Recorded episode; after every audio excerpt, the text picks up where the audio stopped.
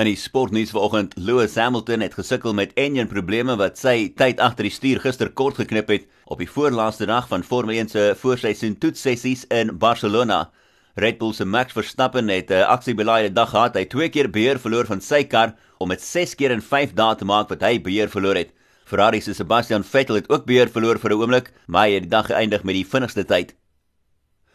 In plaaslike kriket was daar aggressiewe kolwerk deur Kaya Zondo en Sibonelo Makanya wat albei 50-tal aangeteken het om die weg te baan vir die Dolphins om met 6 wenne uit 7 wedstryde te maak in die plaaslike eendagbeker na 'n maklike 35 lopie oorwinning onder die Duckworth Lewis metode oor die Titans gister in Durban. En laastens sokker uit Europa en is Arsenal wat uitgeskakel is uit die Europa Liga deur Olympiakos op die weg doelreël na hulle met 2-1 in ekstra tyd geklop is in hulle tuiswedstryd terwyl Manchester United en Wolverhampton Wanderers maklik die laaste 16 bereik het met oortuigende oorwinnings.